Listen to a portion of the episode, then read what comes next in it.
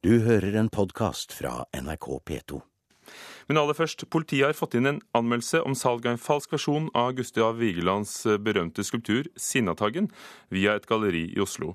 Nå har politiet satt i gang etterforskning av saken. In a garden, it could be nice. One million euro. Den franske turisten ser på Norges mest kjente skulptur i Vigelandsparken og prøver å gjette prisen på originalen. Nylig fikk nemlig politiet inn en anmeldelse der et galleri i Oslo skal ha solgt en falsk skulptur av Gustav Vigelands Sinnataggen for over 200 000 kroner.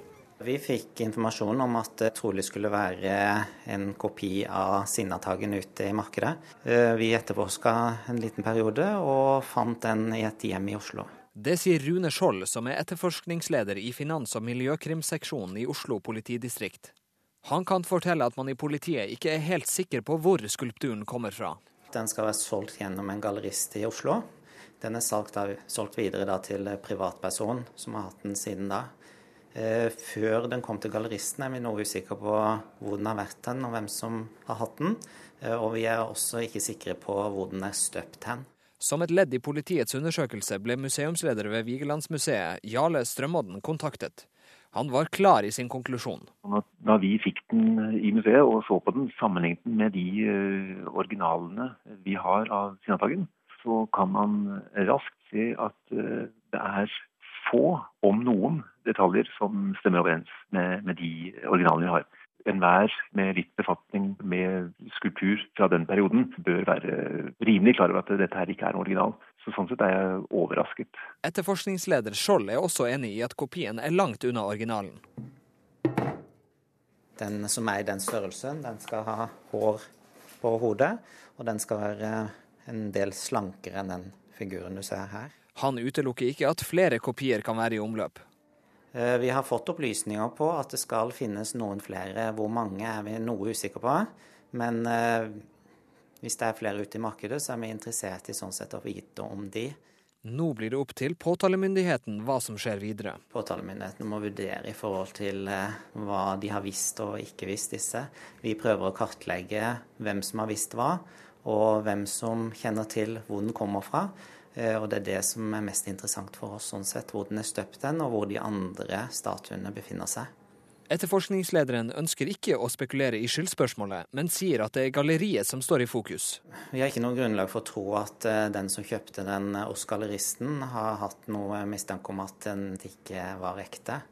Eh, vi vet heller ikke om galleristen har kjennskap til det, men det er jo det som etterforskningen sånn sett går på. Sa Rune Skjold i Oslo-politiet. Reportere var Martin Hotvedt, som vi hørte her i reportasjen, og Christian Rostad. Og du kan se bildene av den falske Sinnataggen ved siden av den ekte på nrk.no kultur, nettsidene våre. Tone Wikborg, kunsthistoriker, Gustav Vigelands biograf og tidligere leder av Vigelandmuseet. Er du overrasket over at eh, det er kommet frem en sånn forfalskning av Sinnataggen? Ja, det er jeg. Og i den størrelsesorden. Eh, dette er jo ikke en liten miniatyr og, og, og noe sånn småplukk som man har sett eh, enkelte ganger tidligere, men tydeligvis en langt større skulptur, og, og til en, også en mye større pris enn man har hørt om tidligere ved forfalskninger. Så dette er, dette er veldig rart. Ikke så meget desto mer som man jo har et Vigelandmuseum å henvende seg til eh, for en kjøper hvis man er, hvis man er i tvil. Eller Det burde man jo være. Hvilke tilfeller er du kommet over tidligere av forvaltninger i din tid som leder av museet? Ja, det var eh, bl.a. slike miniatyrer som enkelte laget og solgte i, i småforretninger. Og som vi fikk, når vi fikk nyss om det, så måtte vi jo prøve å stoppe det. For det var ikke, det var ikke lov til å, å gjøre det. Og ja. Sinnataggen har jo vært uh, stjålet, den har vært malt, og, og nå altså solgt som en forfalskning. Hvorfor er han så populær? Ja, hvorfor, uh, hvorfor, er Skrik så populært? Det kan man spørre om også. Nei, altså det Man må anta at den er så gjenkjennbar. Alle kjenner seg igjen i Sinnataggen. Eller alle har sett Sinnataggen. Og det gjelder fra gamle mennesker og ned til barna selv, som jo kommer i store flokker til Vigelandsparken. Og den mest populære skulpturen blant barnehagebarna det er utvilsomt Sinnataggen. Det er den man får å se. Den lille gutten som står og stamper i raseri som står eh, midt på broen i Vigelandsparken i Oslo. altså. Den første tegningen til Vigeland dukket opp i 1901. Hvilke versjoner har Gustav Vigeland selv laget? Ja, han laget eh, på grunnlag av denne tegningen en eh, liten skulptur i 1911. Og den er sånn litt skissepreget.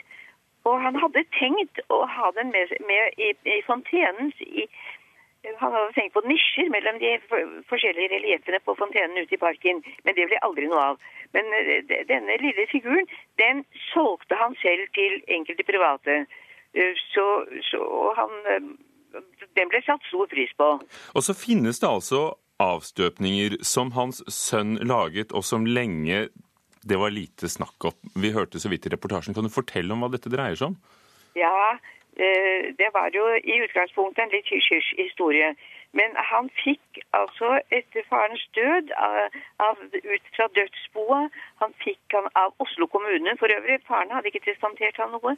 Um, noen skisser, bl.a. denne Sinnasagen, uh, som han så reiste med til utlandet og fikk støpt opp i et ja, Vi vet ikke helt hvor stort uh, antall eksemplarer, og som uh, han solgte.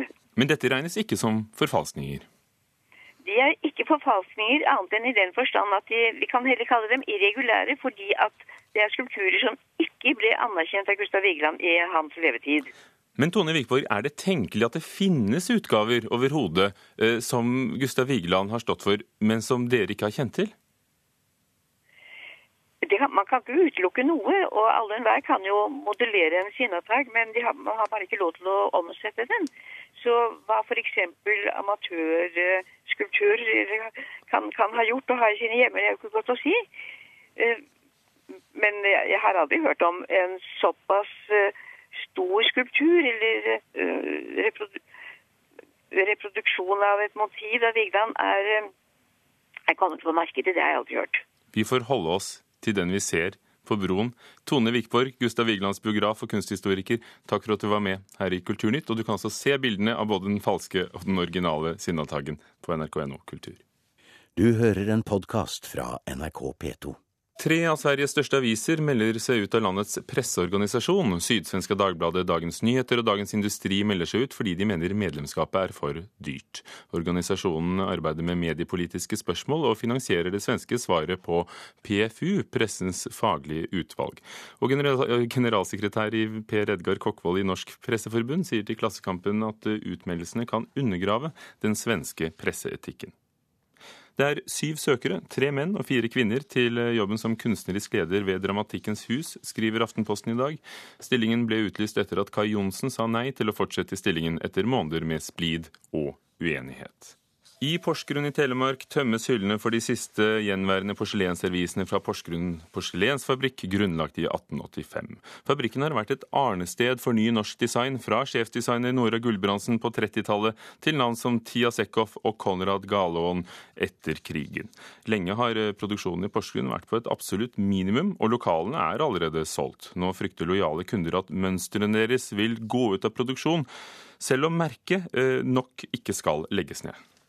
50 og 70 Inni der er jo 70 og da får en benytte sjansen. Har du samla på noe herfra sjøl, eller? Ja, ja. Samla på bondemønsteret. Marta Hansen og venninnene fra Vestfold fyller handlevognene med salgsvarer Kanskje for siste gang. Ja, men Jeg skal ikke ha så mye, for jeg begynner å bli så gammel, så jeg trenger ikke så mye. Ja. Men så blir det litt allikevel. ja, av dere, av dere, fire så er det vel du som har mest i handlekorva? Nei, jeg vet ikke det. Men den mugga var så fin. Hyllen er i ferd med å tømmes for det ærverdige hvite gull fra Porsgrunn når nær 130 års porselenshistorie går mot slutten. Gerd Tollefsen og mannen skal handle til barna. Ja, for vi er redd for at eh, det blir utsalg for de servisene de sparer på. Det er veldig lite vare her i forhold til det var her før, i hvert fall.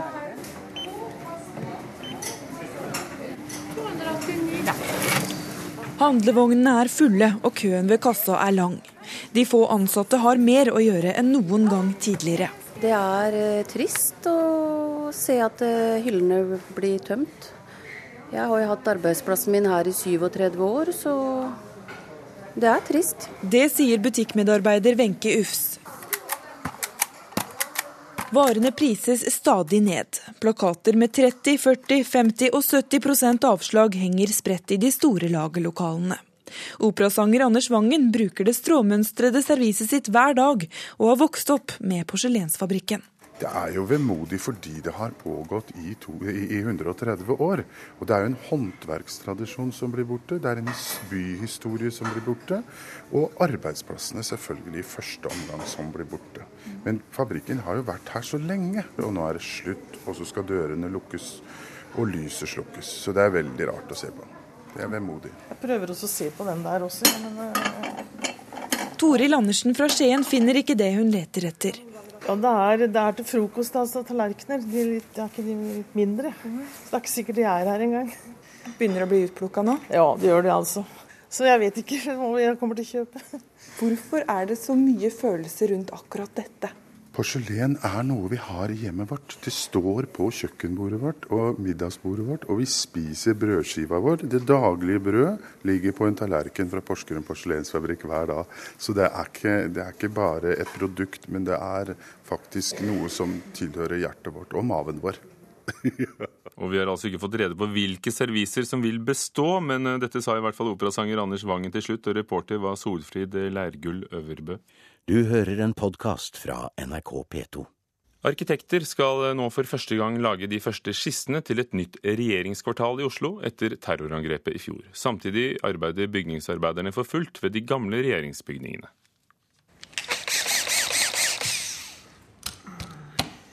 Jeg tror hele vinduet er for stort. Vi skal slippe av de der hengslene òg, To håndverkere setter på plass et nytt stort vindu mot en gammel rød vinduskarm. Det gamle vinduet ble blåst inn her mellom de 100 år gamle veggene i Finansdepartementet.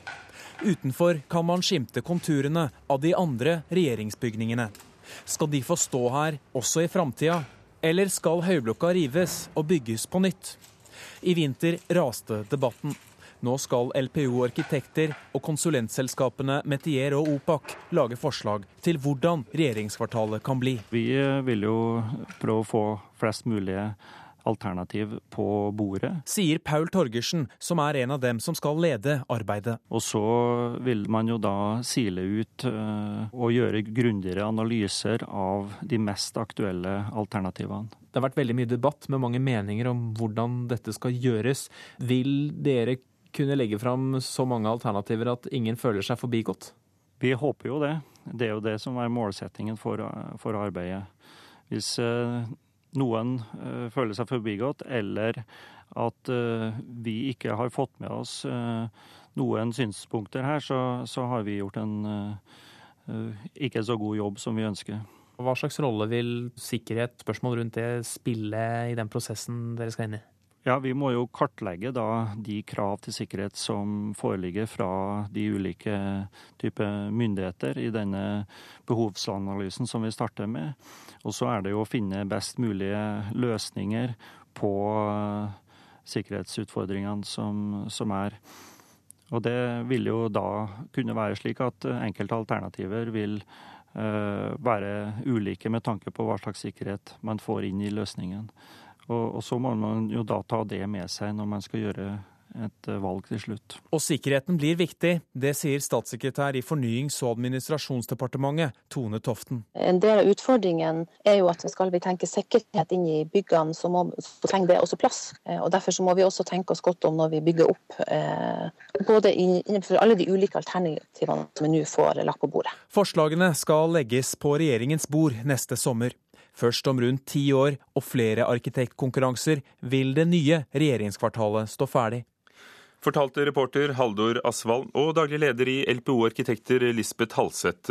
Dere er med i denne gruppen som vant anbudet om å lage forslag til hvordan det nye regjeringskvartalet kan tegnes. Men hva er det dere skal planlegge? Vi skal eh, prøve å planlegge for at eh, alle departementene, bortsett fra Forsvarsdepartementet, kan samles i regjeringskvartalet.